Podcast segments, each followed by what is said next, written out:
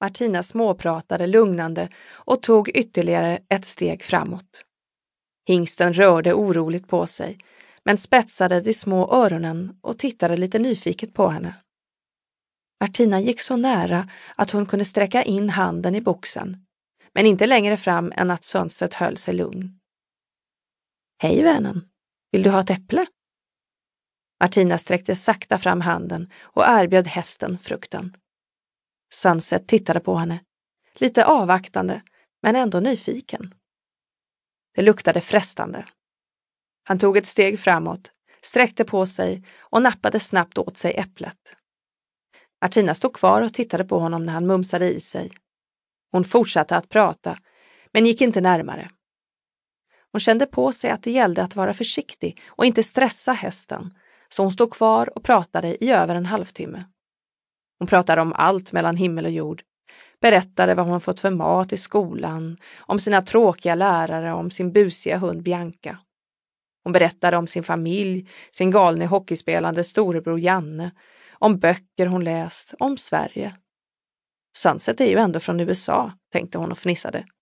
Han måste ju få reda på lite om landet han kommit till.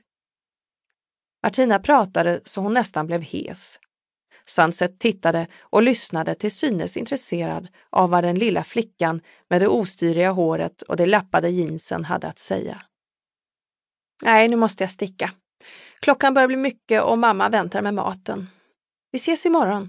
Jag kommer så fort jag kan efter skolan. Martina gick ut ur stallet, slängde sig upp på sin blå cykel och trampade hemåt. Hej mamma! Nu är jag hemma och jag är jättehungrig. Martina gick fram till sin mamma, gav henne en kram och snodde en köttbulle ur stekpannan medan hon berättade om allt som hänt under dagen. Jag hörde på radion vad som hänt, sa hennes mamma. Det lät väldigt otäckt.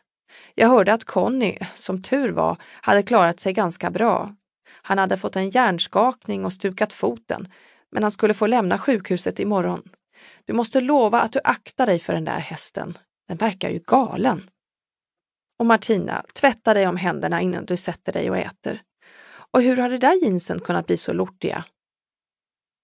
När samtalet tog den där vändningen slutade Martina att lyssna.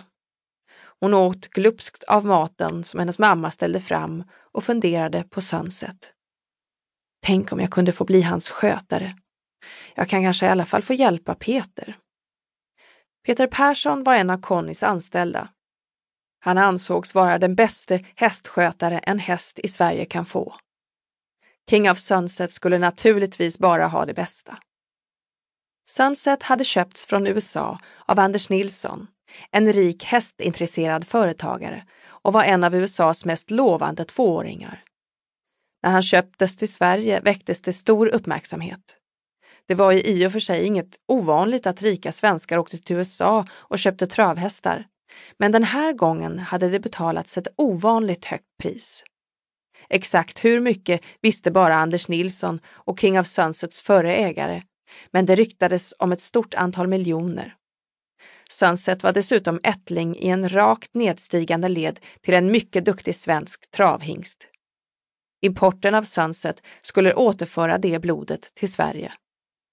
Köpet hade väckt stor uppståndelse i svenska tidningar och det hela blev ju inte sämre av att den gamle mästartränaren Conny Alhed skulle ta hand om träningen av hingsten. För tio år sedan var Conny Sveriges bäste tränare och kusk.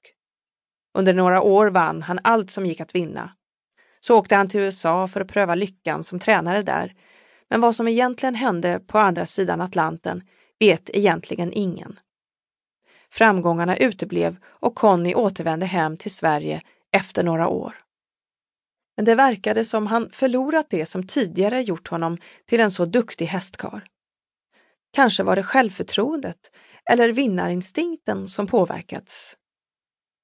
Numera var det väldigt sällan som Conny vann några lopp och han hade inte heller så många hästar i träning längre.